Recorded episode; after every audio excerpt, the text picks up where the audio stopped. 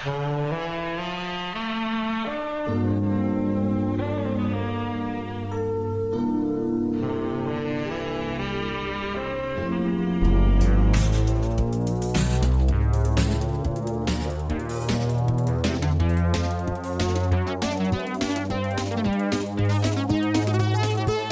och välkomna till Film och Sofie Podcast. Podden där ångest är humor och film är kunskap ni önskar ni hade, men som ni nu får. Yes, och det vet jag för jag heter Robin Möller.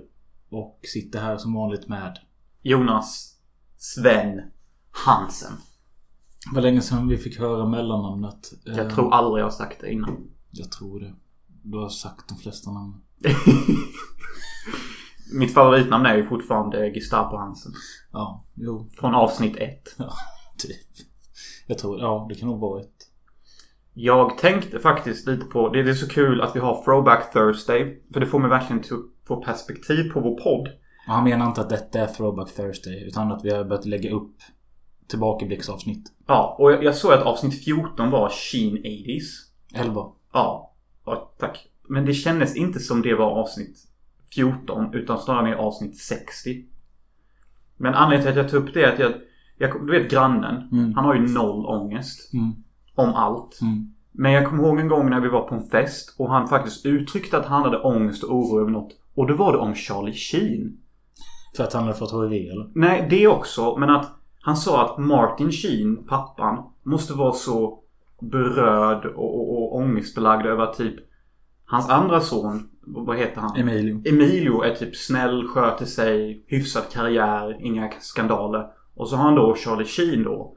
Som ligger med porrstjärnor, får hiv och allmänt är helt out of control i TV. Och jag bara tänkte det, det, det var så lustigt att grannen tog upp det som aldrig har ångest över någonting. Men detta tänkte han på. Ja, det är lite speciellt. Eh, Jag har, jag har inte hört att eh, grannen reagerade över det, men jag tror det. Eh, Och jag vet inte om, det är för att han själv kan relatera till det. Att han är the black sheep in the family. Ja, det måste vara något sånt. Det måste det verkligen vara. Men vi kan inte sitta och prata om människor som inte är i rummet. Det känns konstigt. Det är ju allt vi gör i vår podd. Ja, jo, jag vet. Men eh, eh, lyssna gärna på våra tillbakablicksavsnitt också. För det kan vara kul för er som lyssnar på våra nya avsnitt. Så kan man liksom få en... Eh, ja men antingen tillbakablick om man redan har hört det. Eller liksom hur var vi för fem år sedan. Ja, men det blir lite som kanske en prequel för er. Typ, var Ja. kom de ifrån? Hur var de förr? Ja. Och... Eh, ja, det är söndag idag. Eh, känns som söndag. Ja, verkligen. Eh, jag har lite thaimat i magen från bykokerskan. Som låter som eh, uppföljaren till Fäbodjäntan. Ja, alltså det låter ju verkligen som typ byhoran. ja, men bykokerskan är i alla fall en ja, kinesrestaurang som ligger tre mil härifrån. Vad är Lennart Jäkel man behöver honom? Nej, precis. Men jag känner att eh, jag åt ändå inte så farligt mycket så jag är fortfarande med i gamet. Man kan ju lätt dö. Ja, China food can kick your fucking ass to kingdom fucking come. Och sen är det, alltså vi har haft en liten följetong angående min vikt och Mm. eh, Den tänker jag ju på till och från. Eh, när jag såg mig i spegeln för typ 4-5 dagar sedan så bara kände jag bara Fy fan vad äcklig du är. Wow. Så hård dialog. Eh, och då när jag tog upp detta för ett par månader sedan så var Då vägde jag 89 och ville ner till 82 Och jag skulle ner till 82 fram till nyår. Det är en dryg månad bort. Eh, men dagens vikt är inte kul. Eh, eftersom jag, som jag sa, jag började på 89 Och nu är jag på 92,8. Vänta, du började på 89. Ja. Sen hur länge, långt tillbaks? Ja men det är väl typ fem månader sedan eller något. Och skulle ner till 82. Okej. Så det är en increase på ett, och ett, kilo per andra månad. Ja. Så tekniskt sett. Du går alltså upp 6 kilo på ett år. Så om tre år så kommer du ha gått upp 18 kilo och väga 102 kilo ungefär. Ja vi får väl Denna följetongen kommer bli mycket intressant. Ja, men det problemet är att den skulle varit slut om en och en halv månad. Då skulle jag vara på 82. Men jag går åt andra hållet. Du är på 92. Ja. Wow. Fuck me. Men alltså till mitt försvar. Jag vet inte om... För jag vet att... Jag har ju sagt att jag vill av med de jävla antideppspillerna. Mm. Och de kan göra så att man både gainar och losar weight. Du är en sån jävla viktväktartant. Alltså i mitt försvar har jag faktiskt bara brutit mig till pizza en gång i veckan och jag har faktiskt slutat med mina p-piller. Ja. Och då går man upp. Nej, jag vet. Jag ska inte skylla på det. alltså det är ju helt enkelt... Jag äter ju mer än vad jag rör på mig. Ja. Eh, men ja, vem vet. Till nio kanske uppe på 100 istället. I- look forward to it. Men du kanske ska ha ett nyårslöfte. Börja med paddel, badminton, squash. Mm. Jag spelade ju padel eh, när vi stängde av förra podden. Typ. Eller dagen efter där. Mm. Det var kul. Rörde mig lite mer än vad jag brukar. Men... Eh, ja, jag känner... Alltså det räcker ju inte att göra det en aktivitet en gång om året. Nej, och jag tänker lite samma för att jag har lagt av med mitt gym. Och den enda träningen jag har fått var badminton i Schweiz för typ en månad sedan. Mm. Och innan dess så var det typ tre månader sedan jag rörde på mig. Ja.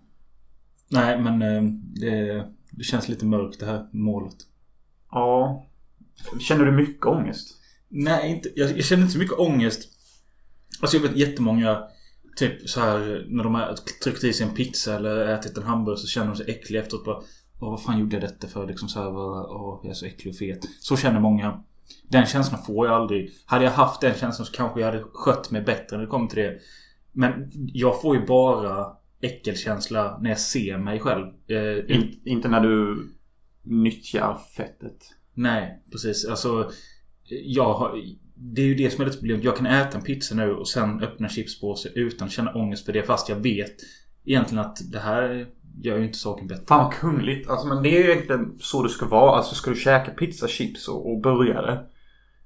Det är ju jättejobbigt om du ska känna ångest samtidigt. Ja, men, men alla gör det. Alltså, ty, ty, nej, alla alla, men...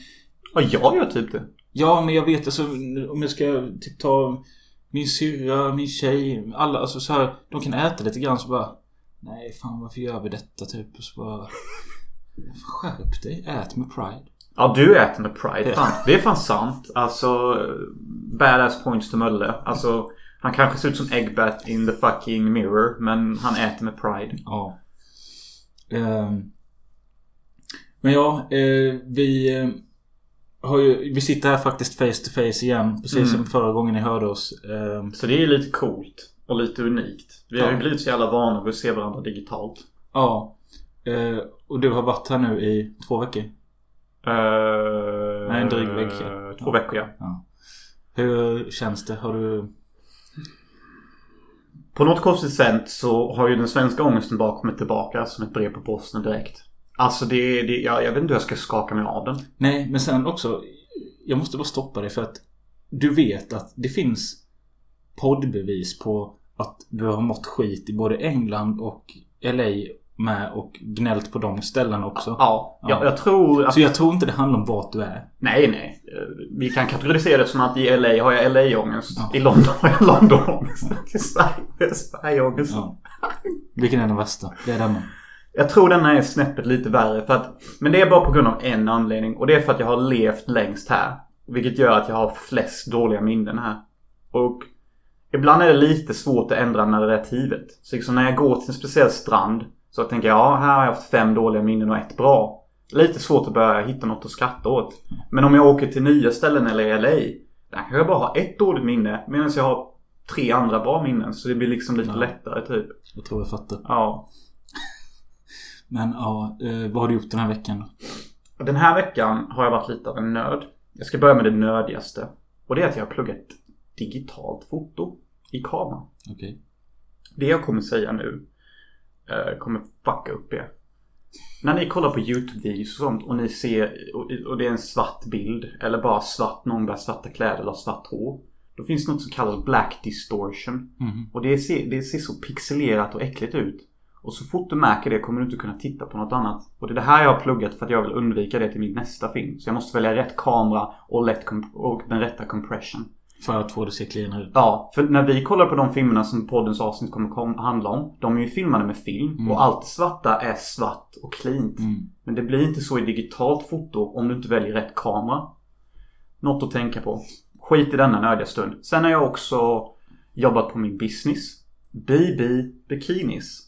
Yes, du nämnde i förra avsnittet att du har skapat ett eh, bikiniföretag. Yes. Som säljer bikinis riktade till kvinnor i LA. Ja. Det riktas till glada, happy... Tänk dig en, en blond bimbo med sin golden retriever springer på en strand. Hon bär min bikini med stolthet och glädje.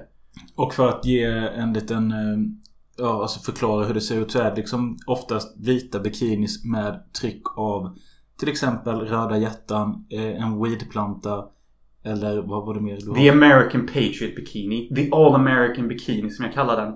Då är, det, eh, då är det två hjärtan också. Fast på det ena hjärtat så har vi den amerikanska flaggan med stjärnor. Och så är den andra flaggan typ lite röd. Så man liksom... Bikini skapar liksom den amerikanska flaggan. Och den kallar jag The All American Bikini. Och den är, den är tacky och cheeky. Men det är allt min affär handlar om. Tacky, cheeky, fun. Och det riktar sig till Santa Monica Girls och LA Girls. För att jag, jag säger inte att de är luftiga i huvudet och typ mindre smarta. Men girls därifrån är mer Oh my god, the weather is so good today. I'm gonna have avocado toast and then I'm gonna run on the beach with my doggo. And then I'm gonna jump in my million dollar car and drive around looking pretty. Och det är sådana min business till. Dago. Men jag, jag tror folk får, får en bild i huvudet vad, vad för typ av brudar du menar. Absolut. Och vi säljer också crop tops och t-shirts såklart. Men finns sidan uppe nu då? Eh, Den finns uppe. För adressen du nämnde i förra avsnittet, den kommer inte jag in på. Nej. Eh, Jag måste köpa en domain bara. Men när detta avsnittet släpps så kommer denna businessen finna ute. Så link in the descriptions below. Klicka BB Bikinis Shopify store någonting kommer det stå. Klicka in den så kommer ni till min affär. Där kan ni köpa The All American Bikini 20% off. Vill ni köpa Valentine kommer upp snart. Alla hjärtans dag. Jag rekommenderar att ni köper The Valentine's Bikini till er flickvän. Hon kommer bli glad och hon kommer se söt ut på stranden. Och vem vet, ni kanske får ett litet BJ. Efteråt. Ja, man kan ju hoppas. Valentine's Bikini är min stolthet. Det är den jag är mest stolt över. Och det är, det är liksom... eh, Det är som Tarantinos Pulp Fiction typ. Det är den alla vill se. Okej. Ja, eh, det ska bli kul att se den här sidan eh, växa. Ja, följ oss också på Instagram. Jag kommer länka den med. För att vi har inte valt ett namn än. För att BB Bikinis är redan taget. Så vi måste fixa lite. Men ja, som sagt. När ni har hört det här avsnittet så kommer allt detta vara kirrat. Så frukta inte Satan. Nice, natten. nice. Och eh, det är kul att jag startar någonting som faktiskt kan ge mig något i livet. Med tanke på att jag alltid får sparken snabbare. Snabbare för varje nytt jobb jag får. Ja, sen senaste avsnittet har du blivit av med ytterligare jobb. Ja. Vi, vi kan till och med säga det utan att skratta längre. Ja. Och vi borde kanske kötta in den här jingeln som du sa. Ja. Jonas har förlorat ett jobb. Ja. La, la, la, la, la. Så ifall någon är sugen på att sätta ihop en jingel eh, med, ja, som grundar sig i att Jonas förlorat ett jobb. Så gör det. Absolut. Absolut. Och eh, ja, vad har mer hänt i våra liv här? Jag har ju eh, varit på en handledarkurs för att ta körkort. Eh, son. det är tredje gången jag går på sån här kurs. Första gången var jag 17. Andra gången typ 23. Och nu då är jag 29. Eh, Det suger handledarkurser. Den är fruktansvärd. Men jag Alltså nu är det så här att Detta är sista gången jag gör det. Mm. Eh, blir det inget körkort nu så blir det aldrig. Eh, Jag har ju alltid trott att du ska faktiskt bli en människa som aldrig skaffar körkort. Okej. Alltså om du lyckas nu skaffa körkort. Det går emot vad jag tror kommer hända. Och jag säger inte det för att liksom säga liksom inte uppmuntra dig. Alltså vill du ha körkort så kommer jag stötta dig. Men på något sätt så har jag svårt att se det med tanke på hur lite engagemang du har visat för att vilja ha körkort. Ja. Och sen det är så konstigt men nu har jag jobbat i min jävla fabrik i 7-8 år och där var det krav på att man skulle ha körkort när man skulle bli anställd. Och eh, när, när jag började så sa jag bara nej men jag, jag fixar det. men sen då så har det liksom eh, Det är ingen som har nämnt någonting om det och sen så tänker jag också fan det kan väl de skita i så länge jag tar mig till jobbet. Absolut. Eh, det spelar väl ingen roll om jag går eller vad jag gör. Men har du börjat göra mer kurser? Alltså har du, har du provkört någon gång nyligen? Nej nej. Jag, jag får inte göra det förrän Jag får göra det om typ en vecka. Och vem ska du övningsköra med? Min moder. Är hon Vin Diesel? Typ. Ja. Ja, hon är Vin Diesel. Ehm, så vi, ja, vi kommer att göra lite coola stunts och sånt. I hope. Ehm, ja, vem vet, vi kanske kan försöka fixa något uh, videoklipp när jag övningskör nästa gång. Det hade varit kul. Ehm, Har du ens kört en meter med en bil någonsin? berättade jag inte i podden att jag kraschade en bil? Nej. Nej, nej men jag för mig att jag nämnde det. Jag kan, men alltså det var ju inte så länge sedan. Det var ju två månader sedan så skulle jag starta min tjejs bil på vårt jobbs parkering och... Eh, jag, antingen så tror jag att handbromsen inte var dragen eller att det var någon växel i eller något. så- Alltså jag har startat hennes bil Mm. flera gånger förr. Bara för att den ska vara varm tills vi ska åka. Mm. Eh, gjorde detta den 20 gången och eh, flög fram först in i en stolpe och sen in i en bil som stod parkerad på parkering på jobbet. Wow. Eh, satt där som ett jävla fån. Tio personer kommer och går förbi som ska in till jobbet och jag bara sitter där och... och Gömde du dig? Nej, jag, jag ju bara dö. Alltså Mm. jag, jag hoppades nästan på att bilen skulle sprängas eller något. Oj, de såg det alltså. Ja, ja. Och så kom det tio personer som slutade jobba och bara... Vad har hänt här? Hur mår du? Jag bara... Äh, prata inte med mig. Det blev ett jack i bilen. Eh, ja, eh, det blev det. Men eh, det är löst nu. Men eh, jag kände mig så jävla dum och... Eh, ah, nej, för fan jag får ångest när jag pratar om det. Var du tvungen att paya upp? Nej, nej. Nej, inget sånt. Nej, men jag vet vad som hände. Ettans växel och grejer. Många lägger ju den i ettan när de parkerar den också. Ja, men sen... Jag tror också att det kan ha varit...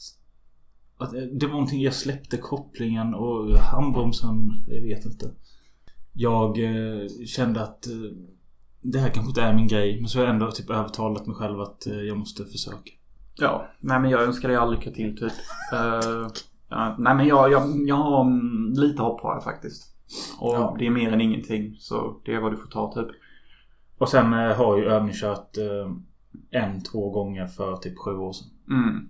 Oh, it's pain. Mm, Du började typ när du var 18 och sen så failade du så gjorde du igen några år senare. Ja, jag failade när jag var 18. Och det var ju typ 40 000 spänn rakt i sjön. Och sen så provade jag igen typ tre år senare. Också en 40 000 kronors investering om inte mer. Och sen så lyckades jag. Men jag failade första gången på min uppkörning. Sen andra gången hade jag CP-tur att min uppkörningslärare hade en son som gick på Sturegymnasiet.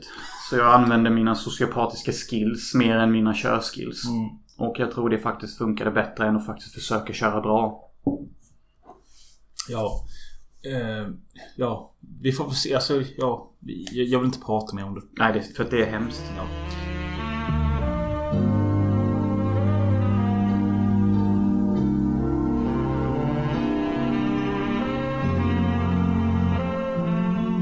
Eh, vi kan istället hoppa in på dagens tema som har eh, det...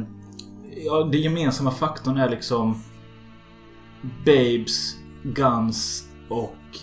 Saxofon. Ja, precis. Ja, det är väl det. Brudar, saxofon och... Eh, våld. Ja. Eh. Den manliga fantasin i sin perfektion. Jag är 12 år och kan bara tänka på en grej. Babes, guns and motorbikes. Ja, det, det var lite... Ja, lite så kan man säga och... Eh, detta är typ en slags eh, trio filmer som jag har tänkt på att jag och Jonas ska se ihop i typ två år. De har stått i min hylla så pass länge och jag har liksom inte känt att jag vill se dem här själv. Mm. För det är liksom... Om du inte är 12-13 år så är detta typ filmer du ska se ihop med någon. Ja, annars är det lite så här typ I'm so lonely. Where is my love? Ja, lite så. Men sen så känns det som att man hade pausat och runkat eller något. Ja, ja det var lite det jag menade med I'm so lonely. Where is my pride? ja. Eh, men vilken av de här tre slisiga filmer vill du pra- börja prata om? Jag vill prata om den jag tyckte om mest först. Okej.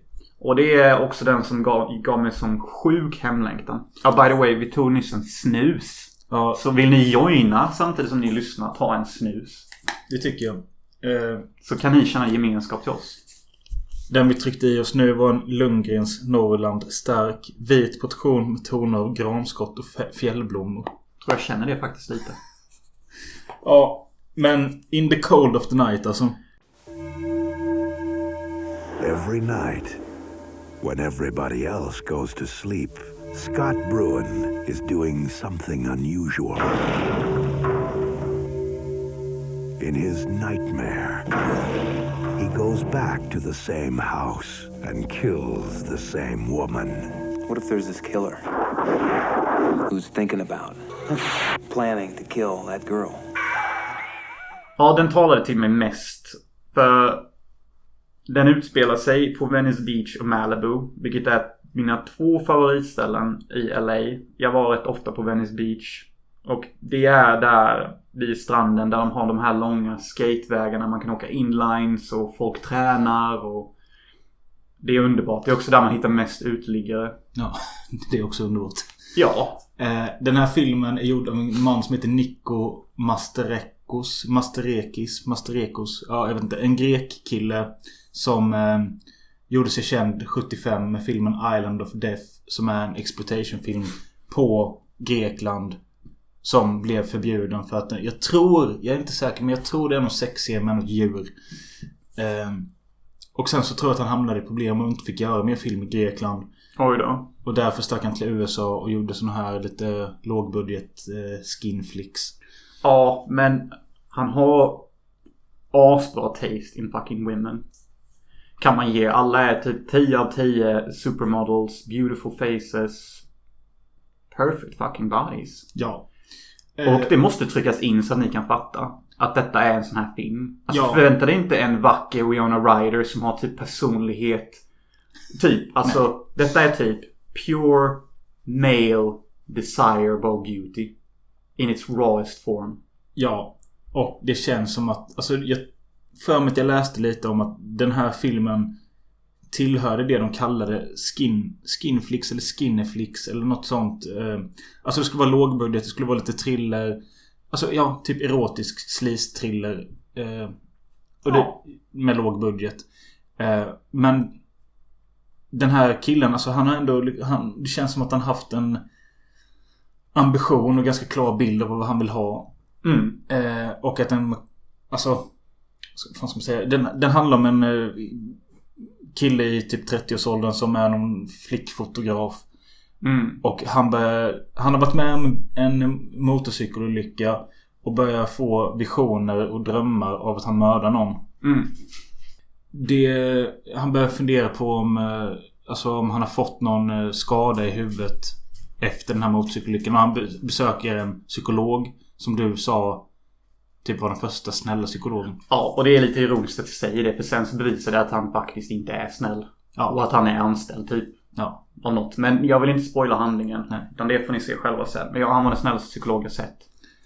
Och vi introduceras till hans polare som är en riktig macho biff tekeman. eh, Spelad av en kille som heter... fan är det han heter? Det är något rätt catchy. Eh, Ja, rätt catchy. Brian Thompson. Okej, det är rätt catchy faktiskt. Ja, nej men eh, man kan känna igen honom från... eh, Han har varit med i Terminator, Cobra. ehm, Vilken roll har han i Terminator? jag vet inte riktigt. Eh, Det måste vara en av de gunsen i början. ja, han är krediterad som punk. Ja, jag var ganska spådd om det. Ja. Nej, sen så är han med i Mortal Kombat 2 Annihilation.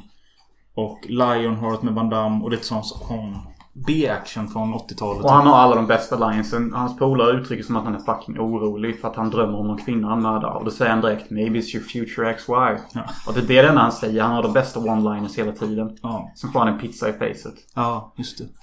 Eh, men det finns alltså... Det är ju en ganska så här eh, normal thrillerhandling. Bara det att den sticker iväg med lite konstiga och roliga one-liners då och då. Och eh, ja, skumma sekvenser. Det finns ju en... Första gången han drömmer om att han eh, dödar någon. Så sover han jämte ett one night stand och börjar strypa henne Mm. i sömnen. Och eh, när de vaknar upp ur det här och han har nästan dödat henne så säger hon bara att hon nästan kom. så det är lite kul. Men sådana kvinnor finns ju. Så liksom, alltså du ska ju inte vara en feminist och se den här filmen. Nej. Alltså du kan väl vara någon typ av feminist. Men jag tror inte du kan vara en en hardcore feminist, då kommer du typ dissa filmen. Men det som jag tycker är så underbart med filmen det är att visst den talar till en manlig fantasi men vem vill inte åka in på en sexig motorcykel i en lyxig solig villa i Malibu? För att den här kvinnan han möter och blir kär i. Eh, Som är kvinnan i hans drömmar. Ja, som är en bras brasiliansk skönhet typ. Hon har en motorbike. Och hon kör in den i sitt hem. Och de kör runt så. vroom. Det är ju, det är ju, det är ju roligt typ. Ja, det är Alltså en tjej hade ju gillat det lika mycket som en kille typ. Ja. Det... Ja, det är, det är de här små grejerna just som du säger. Alltså, hon åker verkligen in med motorcykeln i huset. Det är kul. Mm. Ehm, Och det är kul att se en film som utspelar sig så mycket på Venice Beach. Alltså i vanliga filmer så kanske det är en scen där. Och oftast är det bara en skate-scen. Jag tänker den här filmen med Anne Hathaway. Eh, Chaos or Havoc. Havoc. Havoc, ja. Den kanske också utspelar sig någon scen i Venice Beach. Ja, men jag har att den ser mycket dystrare ut. Ja. Men alltså det här är ju... Den kom 1990, säkert filmad 89. Mm. Det är jättesoligt, ljust, färgglatt. Det ser jättetrevligt ut. Och den här utgåvan från Vinegar Syndrome som de har gjort någon slags eh, Blu-ray uppgradering eller till och med stor 4K-scan och sen har de tagit ner det till Blu-ray liksom. Jag fattar inte hur de har kunnat butcha upp kvaliteten så mycket. Det ser riktigt cleant ut. Men jag tror att detta går att göra på filmer som är inspelade med film. Eh, spelar man in en film digitalt så får ni fan se till att spela in det i 8K direkt och vara jävligt försiktiga med conversionsen. Mm. Ja, nej, alltså jag begriper inte riktigt heller hur det där funkar. Så om de sitter och putsar varje bi- bildruta på något sätt. Jag tror det. Uh, de har ju gjort jättebra utgåvor på Under gode ful och sånt med. Man bara, bara va, hur gör ni ens? Ja. Men sen tycker jag det är så kul med att den här, alltså sådana här små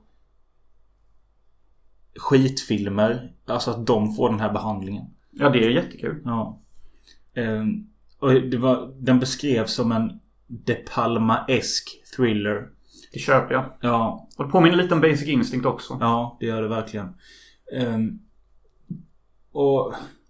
Vad ska man säga? Jag vet inte riktigt vad jag ska säga om det. Alltså, det är ju en kul stund typ. Mm, det är det. Men jag tror att anledningen till att sådana här filmer får mer skit jämfört med andra filmer som kanske också har sådana här stories. Det är som jag sa i början att alla är sådana otroliga skönheter. Från männen till kvinnor. Att man blir lite blind av hur snygga alla är. Det går ju inte att hålla isär vissa människor ibland. För att den ena är lika snygg som den andra. Och de har inget så här personligt utseende. Nej, det har de verkligen inte. Utan det är liksom... Jaw dropping beauty. Ja, men de har ju gått och kollat på stranden bara frågat tjejer de tycker ser bra ut. Vad vill du vara med i en film Ja. till? Och Det är, det är kul att sådana får roller också. Ja. Annars brukar det ju vara lite halvfreaks. Som Ja. har något visst utseende som brukar få roller och sånt. Ja. Jo, och eh, det som är en eh, viktig del som denna filmen har till dagens avsnitt är den har ju alla kriterier med Babes och den har saxofon. Det är mycket saxofon. Ja. Och när vi kommer till nästa film så tar vi saxofonen till en ny nivå. Ja. Och den, alltså den...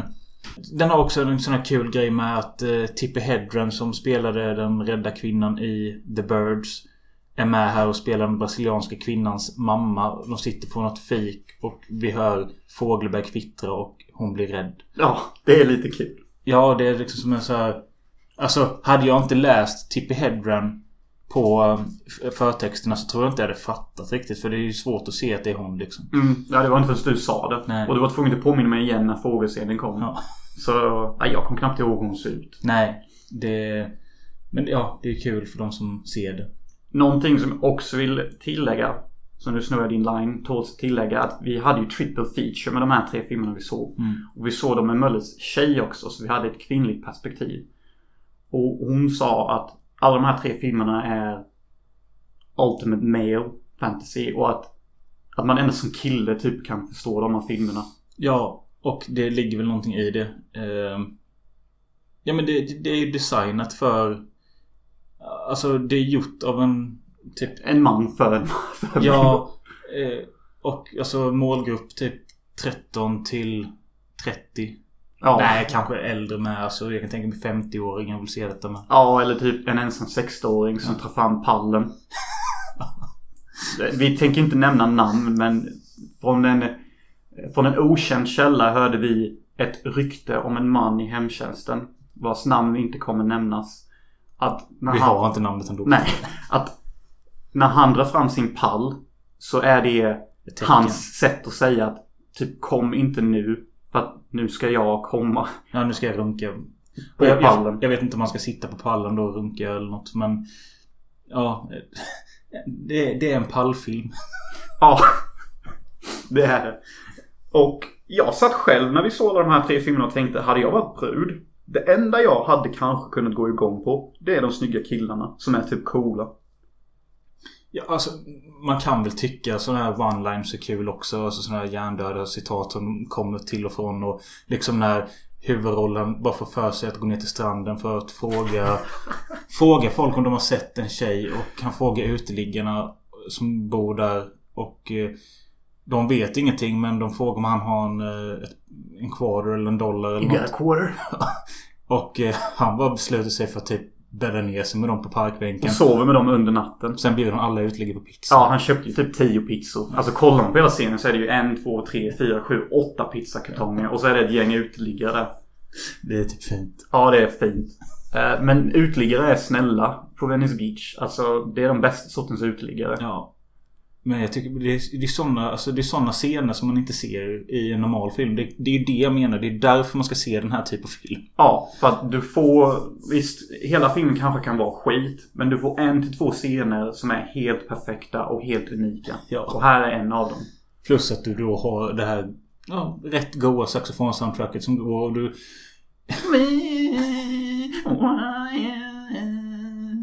Ja, men In the Cold of the Night, bra skit som jag rekommenderar att se med eh, en på... Sällskap. Med sällskap. Kanske helst män. Ja. Eh, Eller det kan ju vara kul att se det ihop med tjejer Det var också. ju lite kul att din tjej tittar med. Ja, För att hon dissade ju rätt hårt. Ja. Och jag köper det. absolut. eh, och eh, en film hon tyckte, tyckte ännu sämre om är vår nästa saxofonfyllda film och den heter The Devil's Honey.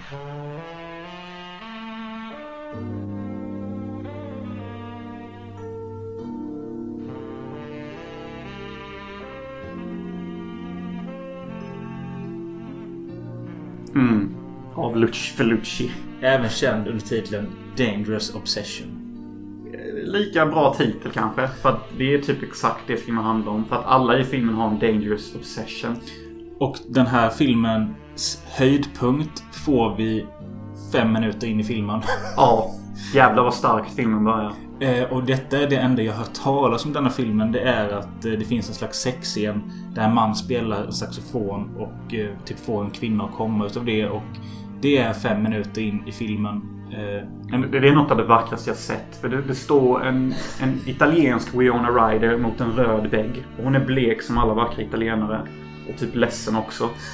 Som alla italienare i sexscener.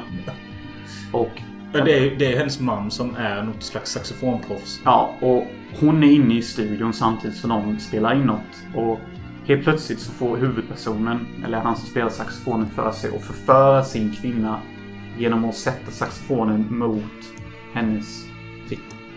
mus. Mus är så äcklig. Ja, könsorgan. Ja.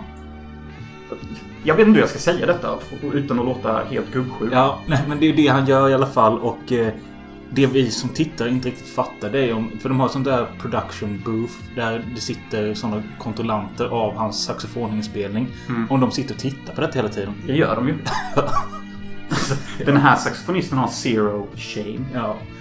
Men alltså det är inte det att... eh, Alltså han tar ju det stycket på saxofonen som ljudet kommer ur. Mm. Det är det han sätter mot hennes underliv och det skapar någon slags Vibration. ja, vibration eller lufttryck eller någonting och det funkar tydligen ganska bra. Mm. Och det var väldigt erotiskt, må jag säga. Ja, men det är ju också på den nivån att det blir ju... Det är ju så mycket what the fuck moment att det blir ju roligt. Ja. Och faktiskt sensuellt. Ja, det är det väl. Jag tyckte liksom att jag har sett mycket rape, mycket sexual stuff in films och det mesta är egentligen vedervärdigt. Ja. Om man ska titta på det från hur det hade tagits i verkligheten. Ja. Men denna gången tycker jag faktiskt att detta hade till och med varit fint i verkligheten. Kanske om de hade varit i privat sammanhang och inte haft tre stycken som tittade på samtidigt. I en så- professionell miljö. Det är så jävla konstigt. Eh, Men ja, det är i alla fall det som denna filmen är mest känd för och det kommer fem minuter in. Och det är, där, det är därför det är lite synd att Fulci har valt att öppna med detta. För att han kunde ha hållit på denna scenen och lagt den någonstans i mitten istället. Mm. Så hade man blivit liksom mer wow. Ja, nu blir man wowad direkt. Och sen inte så mycket wow. Nej. Och det är så lätt att dissa Lucci. ja, men alltså han är ju en mästare som har gjort rätt mycket skit också. Ja, och ja, som jag sa innan vi satte på filmen. Det är att liksom, även om det händer grejer. Så kommer filmen kännas sömnig. Mm. För att han har en talang till att skapa sån sömnig atmosfär. Och det lyckas han med här också. Detta är den kortaste filmen av de tre, men kändes nog som den längsta. Ja. Och sen utvecklas filmen till någon slags elaksinnad 50 shades of Grey. Ja, men det är för att det här paret som gör den här saxofonsexscenen i början är ett väldigt märkligt par som... Ja, men det, det ser ut för oss tittare som att hela deras relation går ut på att... Ja, att ha sex och bara på hans villkor. Typ. Ja, han tvingar på henne sex hela tiden på alla möjliga sätt. Till exempel när de är ute och åker motorcykel. Ja, så tvingar han henne till att runka av honom samtidigt som han nästan kör vägen. Ja. Och sen i en annan scen så tvingar han henne att ha en pistol mellan sin mus. Mm. Samtidigt som han filmar henne. Och sen så tvingar han henne till att vara med i en porrfilm. Och i den sista, en av de sista scenerna så tvingar han henne till att hångla med honom på en biograf. Samtidigt som hans manliga polare Suger av. suger av honom. Det finns ingen sexscen i filmen som hon tycker om. Men på något sätt är hon dunderkär i denna killen. ja. Dangerous obsession, ja. Men den här killen i alla fall, han vurpar med sin motorcykel i en väldigt märklig... Han kör typ sakta runt om på en gård. Flyger av lite lätt, slår i huvudet i en sten. Ja, Och mår bra efter det. Men typ två timmar senare när han ska göra en saxofoninspelning så börjar han typ få några svettningar och en hjärnblödning eller något. Och typ tuppar av. Hamnar på ett fucking surgeon table. Och då introduceras... Han blev introducerad tidigare men nu kommer vi till filmens tredje karaktär. Och det är en surgeon. Han misslyckas med operationen. Råkar döda honom. Men varför misslyckas han med operationen? Det vet vi inte. Jo, det vet vi ju. För Det är för att han har ju fuckat upp sin relation med sin fru genom att han knullar horor hela tiden. Ja. Så hans fru har sagt till honom att nu är vår relation över. Du kan behålla din jävla hora och skit i mig. Just och det är det han står och fantiserar och tänker. Han hör ju hennes röst hela tiden. Bara, så- det. Och därför opererar han inte den här killen i tid så han dör. Ja. Och då får vi ju vår italienska Winona Ryder psykspel. Och bestämmer sig för att kidnappa den här surgeon. Ta honom till hennes hus. Och resten av de 40 minuterna som är kvar så är det hon och han, hennes hund. Som är en K9 unit någonting. Eh, Och de två torterar honom. Ja, han sitter fast i kedjor och får äta lite hundmat och... Hon tar ut honom på havet och tvingar honom till att dricka saltvatten typ. Ja, och sen i slutet så har de sex ändå typ blir kära. Ja. Ja. I, i, mot slutet av filmen blev jag också lite irriterad. För när de ändå var där på havet så tänkte jag... Alltså, kan vi få se lite zombies komma upp ur vattnet? Ja. Det, det är typ det enda du gör bra egentligen. För helvete, upp med zombiesarna nu bara. Jag skiter i om det makes sense or not. Jag vill se tio zombies komma upp på havet. Ja. Sätt på Zombie Flesh Eater soundtracket. I don't even care anymore. Nej. Nej men det är lite det. Det känns ju inte som en...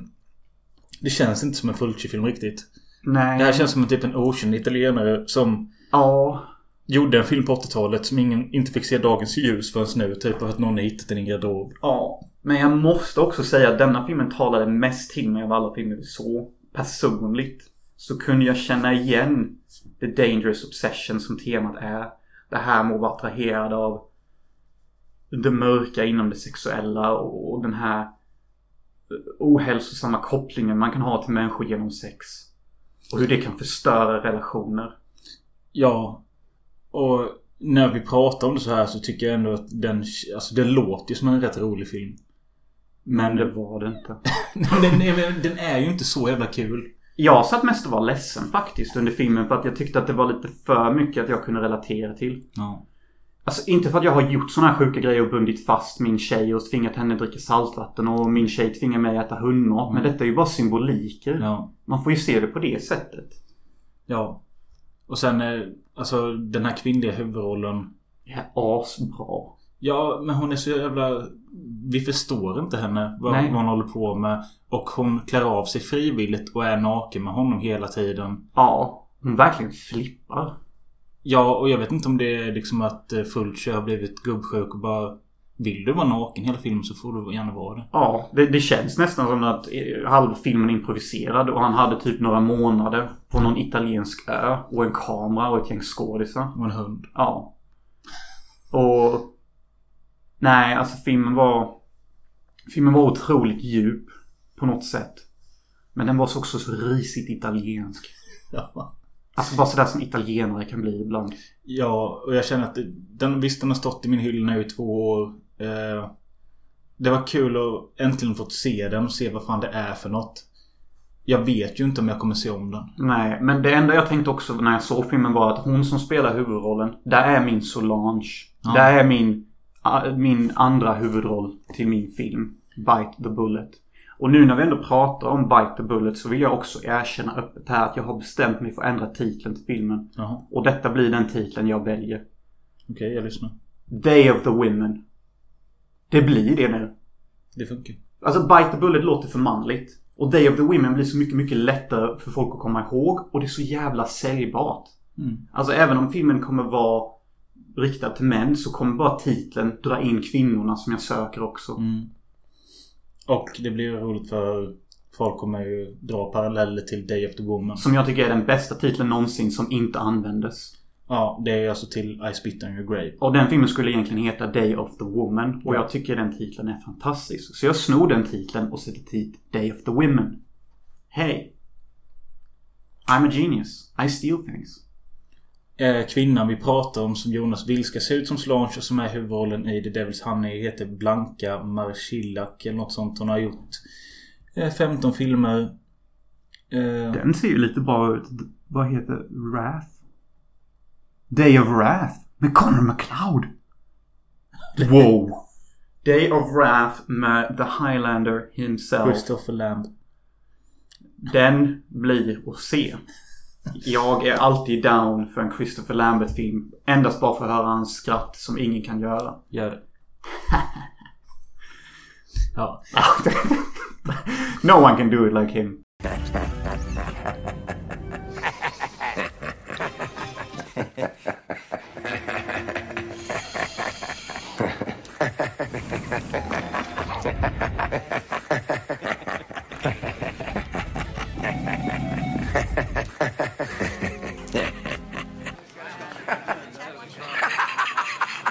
men alltså Den här filmen födde också hos mig att eh, Det finns fler Fulci-filmer som är från hans senare, sämre period och man kanske borde ta och se dem för man kommer hitta något kul i dem. Door into Silence tycker jag är hans mest personliga film. För det känns verkligen som när man ser den filmen att han är beredd på att dö snart. Ja, och den har jag sett och jag gillade den. Mm.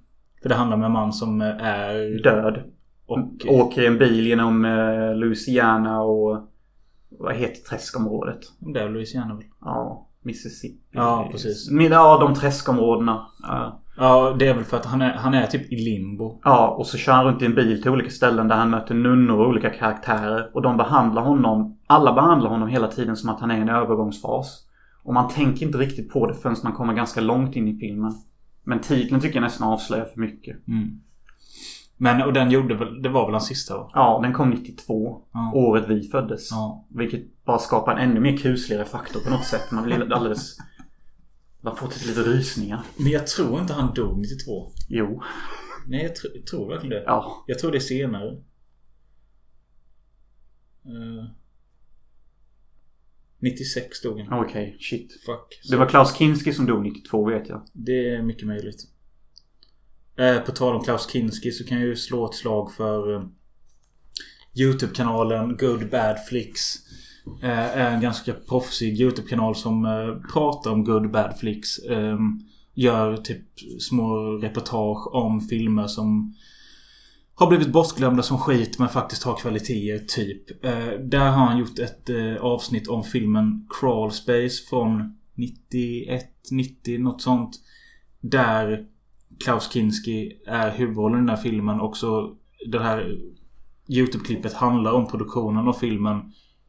hur jävla störd och jobbig han var att jobba med. Det har man hört. Ja, och att eh, alla som jobbade på den här filmen bad regissören att Please kill Mr Kinski. Please kill Kinski. Jag tror han många regissörer har hört den. Ja. Och han, det, det, det, det, det förtjänar han. För att under produktionen av Agire sköt han av fingret på en snubbe. Och också nästan högg av huvudet på någon. Tack gud och lov att han hade en Conquistadorien på sig. Det är så fan. Alltså, och jag, jag älskar den här min bästa ovän när Herzog berättar om scenerna. Och han säger att det, alltså de, här skådespelarna som han har kontroll över. Alltså för att han blir ju typ han blir ju någon slags minikung över 30 conquistadorer. Och Herzog bara berättar, kolla på denna scenen och kolla på hans ansiktstryck. Alltså alla som är hans minioner då. Hur rädda de är. Och han bara, that is not acting. The, the cast was actually afraid of him and I, I used it to my advantage. To make the movie better. And I also, you know, I also intentionally made him angry so that he would play a more toned down character. Because he wanted to shout and scream all the time but I was not down with that. Ganska bra Herzog-imitation. Ja, det var en av mina bättre faktiskt. Ja.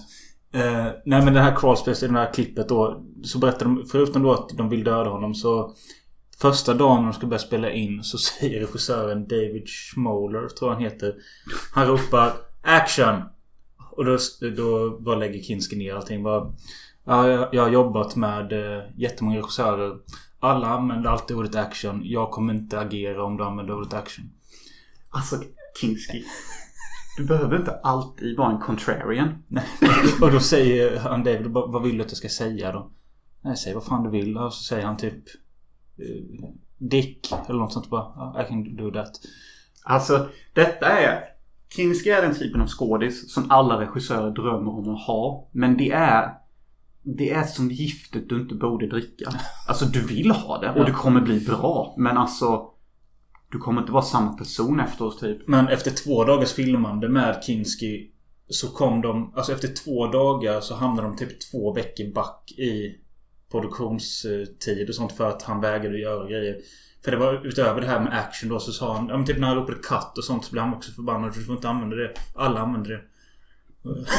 Alltså jag vet inte om man ska typ uppskatta honom eller bara typ bli irriterad på honom. Han blev snäll lite under sättet när han fick göra några scener med en kvinna han tyckte om.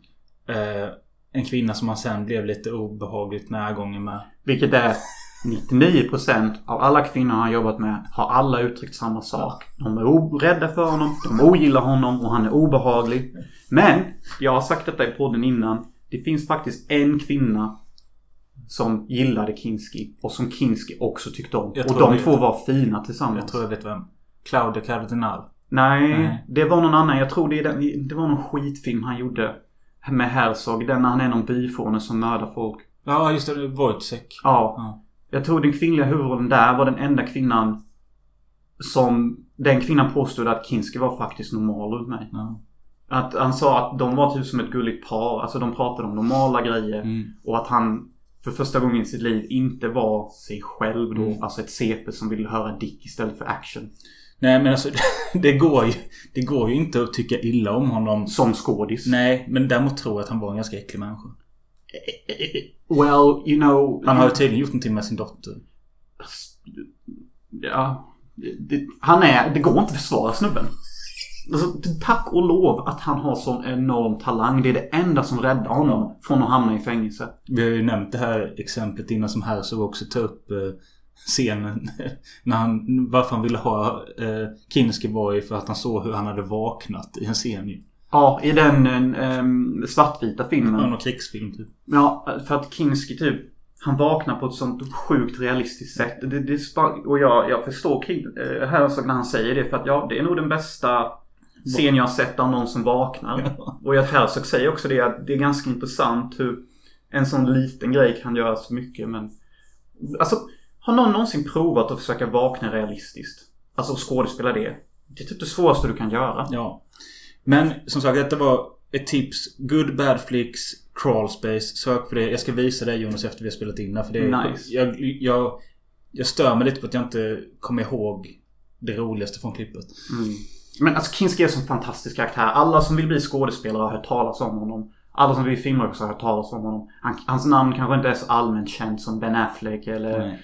Legolas eller vad fan. Nej. Nej, men eh, ja, han är en klass för sig. Ja, och hans intryck i skådespelarvärlden är legendarisk. Mm. Alltså, there can be only one. Mm. Och han är the one. Han... Han är den bästa skådespelaren som någonsin vandrat på jorden. Ja, det är möjligt faktiskt. Och det går inte att förneka. Nej. Oavsett vad han har gjort. Nej. Och det är därför inte han hamnade i fängelse. Och det är därför inte han dog. Mm. Han dog av naturliga skäl tror jag. Ja, jag tror det med. Ja, vi går vidare till eh, vår sista film med tema... Ja, den här, den här killen som gjorde den här filmen. Han heter Andy Sidaris och eh, han kallar till och med sina filmer för... Jag skrev ner det här. ehm, eh, his series of B-movies called Bullets, Bombs and Babes. Eller ibland känt som Bullets, Bombs and Boobs. Alltid förkortat BBB i alla fall. Nice. Eh, och ja, Andy Sidaris, en eh, gubbe som jobbade som... Han jobbade i en, gjorde sport-TV. Tills han en dag bara, nej jag ska börja göra film. Mm. Och då blev det de här tre grejerna som han ville fokusera på. Och det, han... Han personifierar den manliga fantasin i ett nötskal. Ja. Eh, ja. Det, det är ingen som skjuter under mattan heller. Vi såg intervjuer med honom och sånt och alla är medvetna om det. Typ bara you, you are so good at capturing the male fantasy. Ja. Like, liksom de, de typ bara he's the fucking lord. Typ Ja. i denna kategorin. ja. Eh, och eh, hans mest kända film är Hard Ticket to Hawaii. Som jag har sett. Om vi gör någonsin att jag berättar topptitlar igen så är ju den kanske på topp 10. Ja, den är grym. Filmen är grym. Men filmen vi såg igår, eh, det var också vid denna filmen min tjej gav upp och gick över till grannen. och precis innan hon gick över så hade vi också den här konversationen att jag som kvinna kan typ inte se eller förstå någonting vad som är så hype med detta. Nej. Och jag tycker den scenen som kommer när en asnygg man och en asnygg kvinna har sex på en motorcykel i solnedgången mitt ute i en desert. Bara är liksom så här. Det är så himla vackert och briljant. Men det är också så jävla sämst idé på något sätt. Men det är också så så jävla yes of course. Ja. Och filmen heter Guns. Guns. Even in a world of turbocharged, techno-violent weaponry. Eric Estrada is the jack of diamonds. Smuggling guns is his profession. This is an instrument of beauty. It is an instrument of death. Murder is his pleasure. This is a simple assassination. I want it clean. Fasten your seatbelts. There's a surprise at every turn. When you're playing for keeps, death is a sure bet. My bet is the Smith & Wesson beats for races. Eric Estrada and six Playboy centerfolds, hot on the trail of cold steel. Guns, loaded, cocked, and ready to fire. Oj, ja, ja, ja. Jag, jag, måste, jag, jag, man blir besviken. Har man kommit på titeln Hard Ticket to Hawaii så bara, vad ska vi göra? Guns. Ja, det är sämst. Det är... Alltså du kan inte ens google-söka det och filmen kommer upp. Nej. Då kommer det komma eh, 700 sidor om Guns Ja. först. Nej, det är jättedålig titel. Han måste ha kommit på den innan internet kom. Ja, filmen var från 90. Ja, och internet kom 89. Så Ja. knappt en Ja, grej då ens. nej. nej, men han tyckte väl att det passade. För det sa han ju själv att den handlade om... eh, Vapensmuggling. ja, så tänkte han att den kan väl heta Guns. Ja. Och, och ja, filmen Guns. Alltså, jag kan inte redigt förklara handlingen. För återigen så är alla CP-snygga. Så att jag kan inte hålla koll på vem som är vems lag. För att allt jag ser är vackra människor. Och det, han har inte tänkt på att, att dis- distingui, distinguish people. Typ i vanliga filmer är det så här onda är fula, goda är snygga. Och då kan man lätt hålla koll på dem. Och typ de onda rör sig i vissa miljöer som är onda och de goda rör sig i vissa miljöer som är goda. Här rör sig alla runt på soliga stränder och, och, och vackra kontor. Det är ganska svårt för det känns som att det är typ tre olika gäng. Var några är poliser och det är liksom inga vanliga poliser utan det är sådana här beach... Det är cop. Baywatch undercover. Ja. Och de har såna skills. Någonting som jag fascinerades över när jag såg filmen var att om denna hade haft samma color correction och dramaturgiska kurva som typ Dark Knight. Wow! Ja. Alltså, för, alltså jag har aldrig sett på maken en sån här intelligent film innan. Alltså jag, jag bara kommer ihåg, alltså de onda anställer typ två hitmans till att mörda någon. Och de här framstår som typ lite efterblivna och inte rediga hitmans. För att de snackar bara om att deras specialitet är att sätta bomber i oliver. Så när någon dricker en dry martini så exploderar deras ansikte och det är deras specialitet. Men de blir tvingade till att mörda någon genom att skjuta någon i huvudet. Och då tänker jag så här, de kommer ju fucka upp detta. De gör ju inte sånt här. Och sen när jag ser att de klär ut sig till kvinnor i ett badrum, då tänker jag herregud, det här, det här är ju helt åt helvete. Och de snackar om någon, ingen bryr sig om worksmanship anymore. Nej. Och jag bara tänker, ja hur fan ska det här gå? Sen i nästa scen så sitter jag helt oväntat och helt plötsligt så bara dyker två kvinnor upp, skjuter någon. Och jag reagerar som att, what? what? Ja, Vad, det, vad hände? ja, det, det, jag tycker man reagerar extra mycket för att de skjuter en typ till synes oskyldig kvinna. Ja. Och det tyckte jag, då insåg jag hur briljant det här var för att det var exakt det de ville som Hitmans. Att det skulle bara, det skulle komma från ingenstans. För man ser knappt att de är män. De, det är en jättebra disguise. Och jag bara tänkte, detta är pros. Ja. Och det, det finns fler exempel av detta. Alltså det, det är någon på de goda sidor som är en trollkarl. Ja just det. Ja, han sa han jobbar som magician. typ. Ja, och, och efter han har intervjuat de här killarna så trollar han fram en pistol och en kniv. Som inte har några skott i sig. Och sen så trollar han fram ett hagelbössa och skjuter båda. Briljant. Det är jättemärkligt också. Och jag tänker bara när jag ser den här filmen. Tänk om den hade varit som Dark Knight. Bra regi, snyggt ljus. Alltså då hade ju folk ätit upp den här filmen som en av de mest intelligentaste action crime-filmerna som gjorts. Jag vet inte om jag håller med om det är så intelligent. Det, det är ju så smart. Alltså jag sitter där och läser varenda line som sägs och tänker Helvete vilken smart kille som har skrivit detta. Ja, kanske. Och det är så synd att alla är så vackra och ljuset, ljussättningen är så hyfsat B. För det gör att man inte kan ta in hur smart filmen är egentligen. Ja, det, Och det, jag tror detta är det snällaste de har sagt om den här filmen. tror jag med. Jag, jag, jag bara sökte nu medan du pratade om hur, hur de skrivit handlingen om denna filmen på filmtipset. Det är den kortaste handlingen jag läst. Tre kvinnliga lättklädda agenter är på Hawaii för att stoppa en ondsint vapensmugglare. Ja, det är väl typ det det är. Jag visste inte ens att det var tre kvinnliga. Nej, alltså det går ju inte att hålla koll på någon eller vem någon är. Danny Trejo är med eh, på den onda sidan. Eh, måste vara en väldigt tidig roll för honom. Ja. Eh, men som sagt, han har ju typ aldrig åldrats så vem vet. Nej. Eh, vad finns det mer att säga om den? den eh, de har rätt kreativa vapen. Ja, typ alla vapen ser nästan custom made ut. Typ eh, det coolaste vapnet ser ut som en blandning av typ en AK47 och en M4. Och så har de klistrat dit en röd raket under. Så det påminner, filmen är nästan lite det femte elementet som när han presenterar sitt vapen som kan frysa folk, kasta nät på folk. Ja, just det. Det är lite den feelingen kring vapnen ibland. De, eh, på baksidan av eh, Blu-rayen så stod det ju att det var en... En, eh, inte parodi, en... Vad fan? En spoof på License to kill? Bond-filmen. Eh, no. Ja, Jag vet inte, du kan den filmen bättre än mig. Jag älskar License to kill. Det är min second favorite Bond movie. Men alltså nej. Alltså det enda som är lite likt är kanske miljöerna. Ja. Annars no. Nowhere fucking near. Eh, de har en, eh, en eh, god polis eller agent som är mörkhyad och han heter Brown. Mm, och sen så har vi en kines som heter Seafood. Det är kul. Tyck vad ni vill. Eh, Genialskap eller lathet. Det är en fin linje. Det är, men det är lite kul. Och de... eh, Eh, vad ska jag säga? Jo, alltså sen helt plötsligt. Det kommer ju någon rolig scen de är på ett gym och då helt plötsligt så kommer det ninjas in. Ja, vilket är typiskt 80-tal. Det, I License to kill, vilket man lätt kan glömma, så finns det faktiskt en ninjascen med. Ja, okej. Och de säger det att de var tvungna att kasta in en ninjascen i den filmen för att under 80-talet var ninjas så hett. Ja. Så detta, och denna filmen kom 91. 90. Ja, så ninjakulturen var väl fortfarande lite het fortfarande. Mm. Men om jag ska vara helt ärlig. Ninjas är pretty lamt. Alltså Ja, egentligen. Det, är, det, alltså det, det, kan det någonsin vara coolt? det låter coolare än vad det är alltid. Eller hur? Ja. Det, är typ som en utgång. Yes, vi går ut. Och sen så är det typ skit. Ska vi göra det till något poddavsnitt? Att vi ska leta upp de tre, Bästa. tre bästa ninjafilmerna? Jag tror jag har sett någon som är pretty cool där typ en ninja kan skjuta flamethrowers från sin arm typ.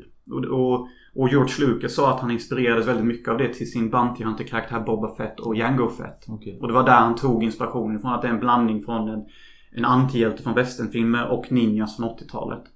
Och jag, jag kan köpa att det blir en karaktär som Jango Fett. Ja.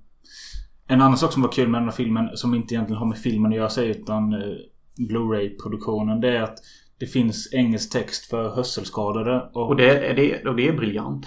Jag har aldrig sett på make. Nej, alltså ni vet när ni ser sådana texter så brukar det liksom stå att nu spelas det musik. Liksom. Ja, typ suspense for music. Här har de verkligen kategoriserat varenda, varenda scen. Så har de kallat musiken något annorlunda. Ja, och jag reagerade på den första som jag tyckte var bäst. Unfriendly music. Hmm. Sen så var det heroic music. Questing music. Authoritative music.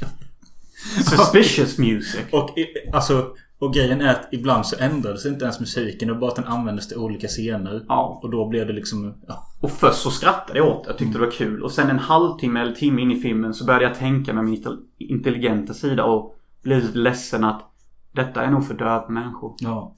Och det, det är ju därför... Det är en snäll, snäll textning för de döva. Ja, och det gjorde ont och det berörde mig samtidigt och sen så skrattade jag inte längre åt det. Nej. Eh, och jag, jag kommer inte ihåg för jag har ju Hard Ticket to Hawaii på samma bolag. Alltså Någon har gett ut Andy Sidaris Alltså de, de kallar sig det här BBB Men också att alla ligger under hans bolag som heter Malibu Bay Films. Mm. Och det finns 12 eller 13 stycken. Och vi såg några trailers igår och alla verkar i princip likadana. Jag kunde inte se skillnad på filmerna. Nej. Men det är det jag säger alltså. Jag, jag är nästan glad nu att... För när jag köpte Hard Ticket to Hawaii och tyckte den var bra. Så fanns det alla resterande filmerna att köpa på Amazon.se. Och de kostade runt 90 spänn styck. Jag tänkte... Hade varit ballt att bara köpa och ha alla. Nu är jag glad att jag bara köpte Guns. För jag känner att... Nej, alltså... Jag uppskattar... Jag uppskattar filmerna men jag vet inte om jag vill, behöver se 10 till. Nej, inte jag heller. Och jag uppskattar också filmen väldigt mycket. Men det jag uppskattar mer är ju regissören och hur han har gjort dem. Mm. Och att han... Han ser ut... Regissören ser ut... Som man, som man tr- tror. Ja, hur fan ska jag beskriva honom? Han är typ ett fläskigt troll. Ja, alltså han är så här en... När vi får se han på behind the scenes materialet så står han där typ kanske sent 90-tal, tidigt 2000-tal. I 60-årsåldern och han är... Lökig, svettig. Ha äggbattmage deluxe. Ja, alltså, alltså- du är hästlängd ifrån hans utseende. Han är stor och tjock och liksom man ser att han har ätit mycket gott i sitt liv och han dricker nog rätt mycket. Mm. Och han har inte mycket hår kvar. Och han står där och pratar med en av sina musor. Eh, Muses. ja. Det är vackrare ord på engelska.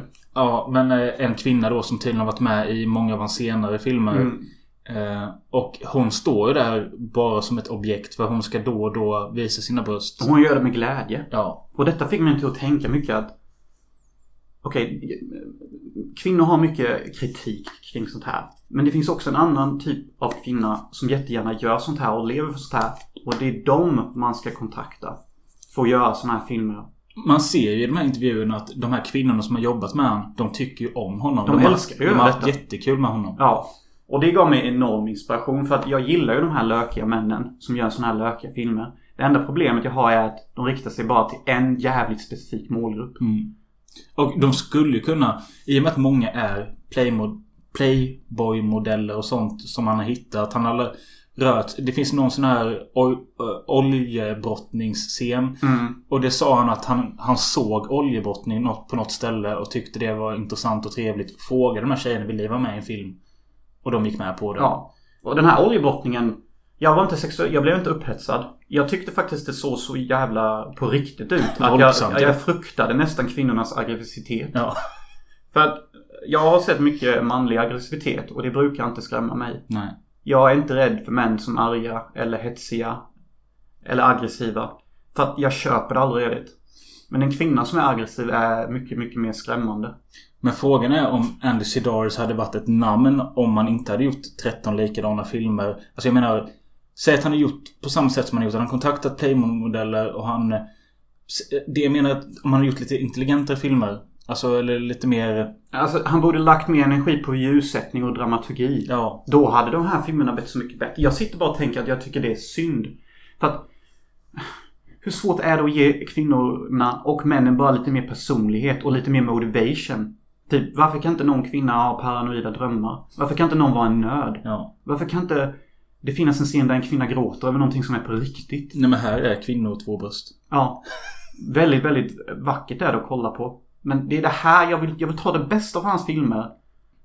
Sätta det i mina egna. Samtidigt som jag adderar de här riktiga mänskliga problemen som folk kan relatera till. Mm. Då har vi helt plötsligt någonting som är fräscht. Trots att det är gubbsjukt. Ja. Och också som är sorgligt är att han ser ut som ett fläskigt löktroll. Vilket gör att när han sitter och pratar om den här filmen och de här brudarna. Visst.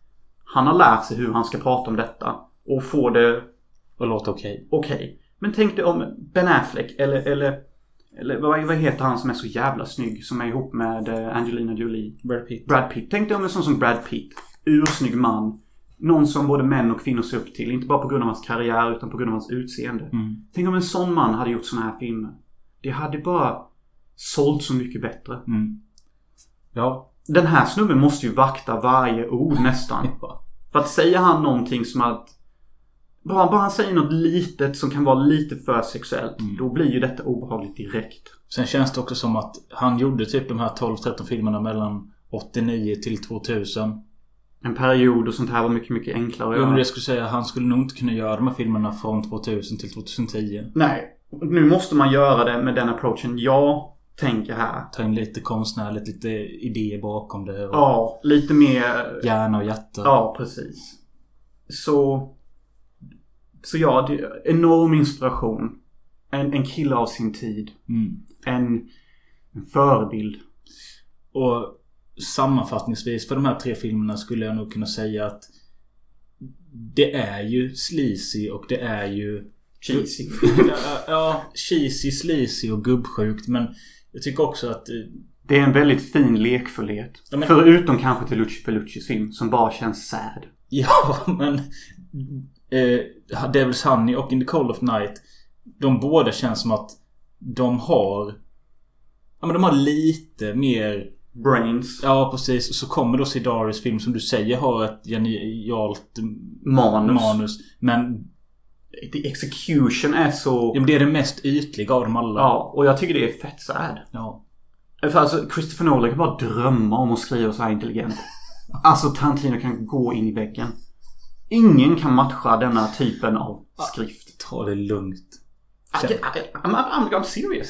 Men ja, om vi ska göra en liten snabb sammanfattning. Alltså jag tycker ju In the Cold of the Night är bäst. Sen Devil's Honey och sist denna. Ja, det är rätt sjukt egentligen. Hur fan kunde denna vara sämst? Nej men alltså det är ju ganska jämnt skägg mellan den och. Ja, det är ganska jämnt skägg mellan alla tre filmer. In the Call of the Night rekommenderar jag faktiskt. Ja, Eh, det gör jag med. För att den hade, den hade mest. Det sämsta med den är ju att den är nästan två timmar lång. Men den är- kändes som den snabbaste. Ja, det är bra. Alltså, ja. Och, den, och Kevin Bacon är med i, i, eh, Cold Night. Ja, en. Hans, hans bror som går efter ett annat namn då. Ja. Alltså, jag, jag, bara Smedding så, jag bara såg Kevin Bacon. Ja. Exakt samma look, exakt samma röst, exakt samma skådespel. Ja. Hur kan det inte vara Kevin Bacon? Jag vet inte. Det var i alla fall inte honom. Nej.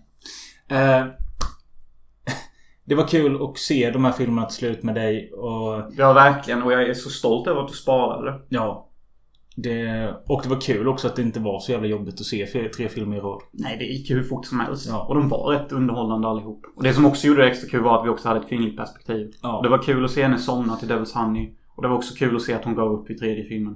Jag tycker det liksom är ganska talande. Ja, precis. Det säger rätt mycket att nu, nu gick det inte mer. Nej, jag är enormt imponerad att hon pallade trycket så länge. Ja. Ehm, men eh, jag, jag, inte, jag har massa poddidéer nu som jag inte vill ta i podden. Men eh, jag kan bara säga så här. Till nästa vecka tycker vi ska ha något helt annorlunda. Absolut. Ehm, och vi har eventuellt gäster på G igen. Och eh, ja, vi eh, får se vad som händer nästa vecka. Mm. Och nu när vi avslutar podden så kan vi också avsluta vår snus. Så nu ska jag ta upp min snus. Så om ni som har snusat samtidigt så är det snus off. Snus off. Snus in. Ja. Det... Ja. Eh, vad har vi mer att säga? Jag ska jobba om några timmar. Eh, Jag ska också jobba, men jag ska jobba på mitt företag. Så jag ska klippa ihop lite reklamvideos till Instagram. BB Bikinis. BB Bikinis. Och ja, utöver jobb så finns det inte mycket annat att se fram emot i veckan. Jag, jo, eventuellt om eh, Tyskland är öppet och inte stänger för att det är så mycket coronafall där nu. Så ska jag dit på lördag och handla sprit. Like a true Swede. Yes. Eh, men ja, vi ses när vi ses. Ja, vi ses fan. Ha det gött alla. Hej.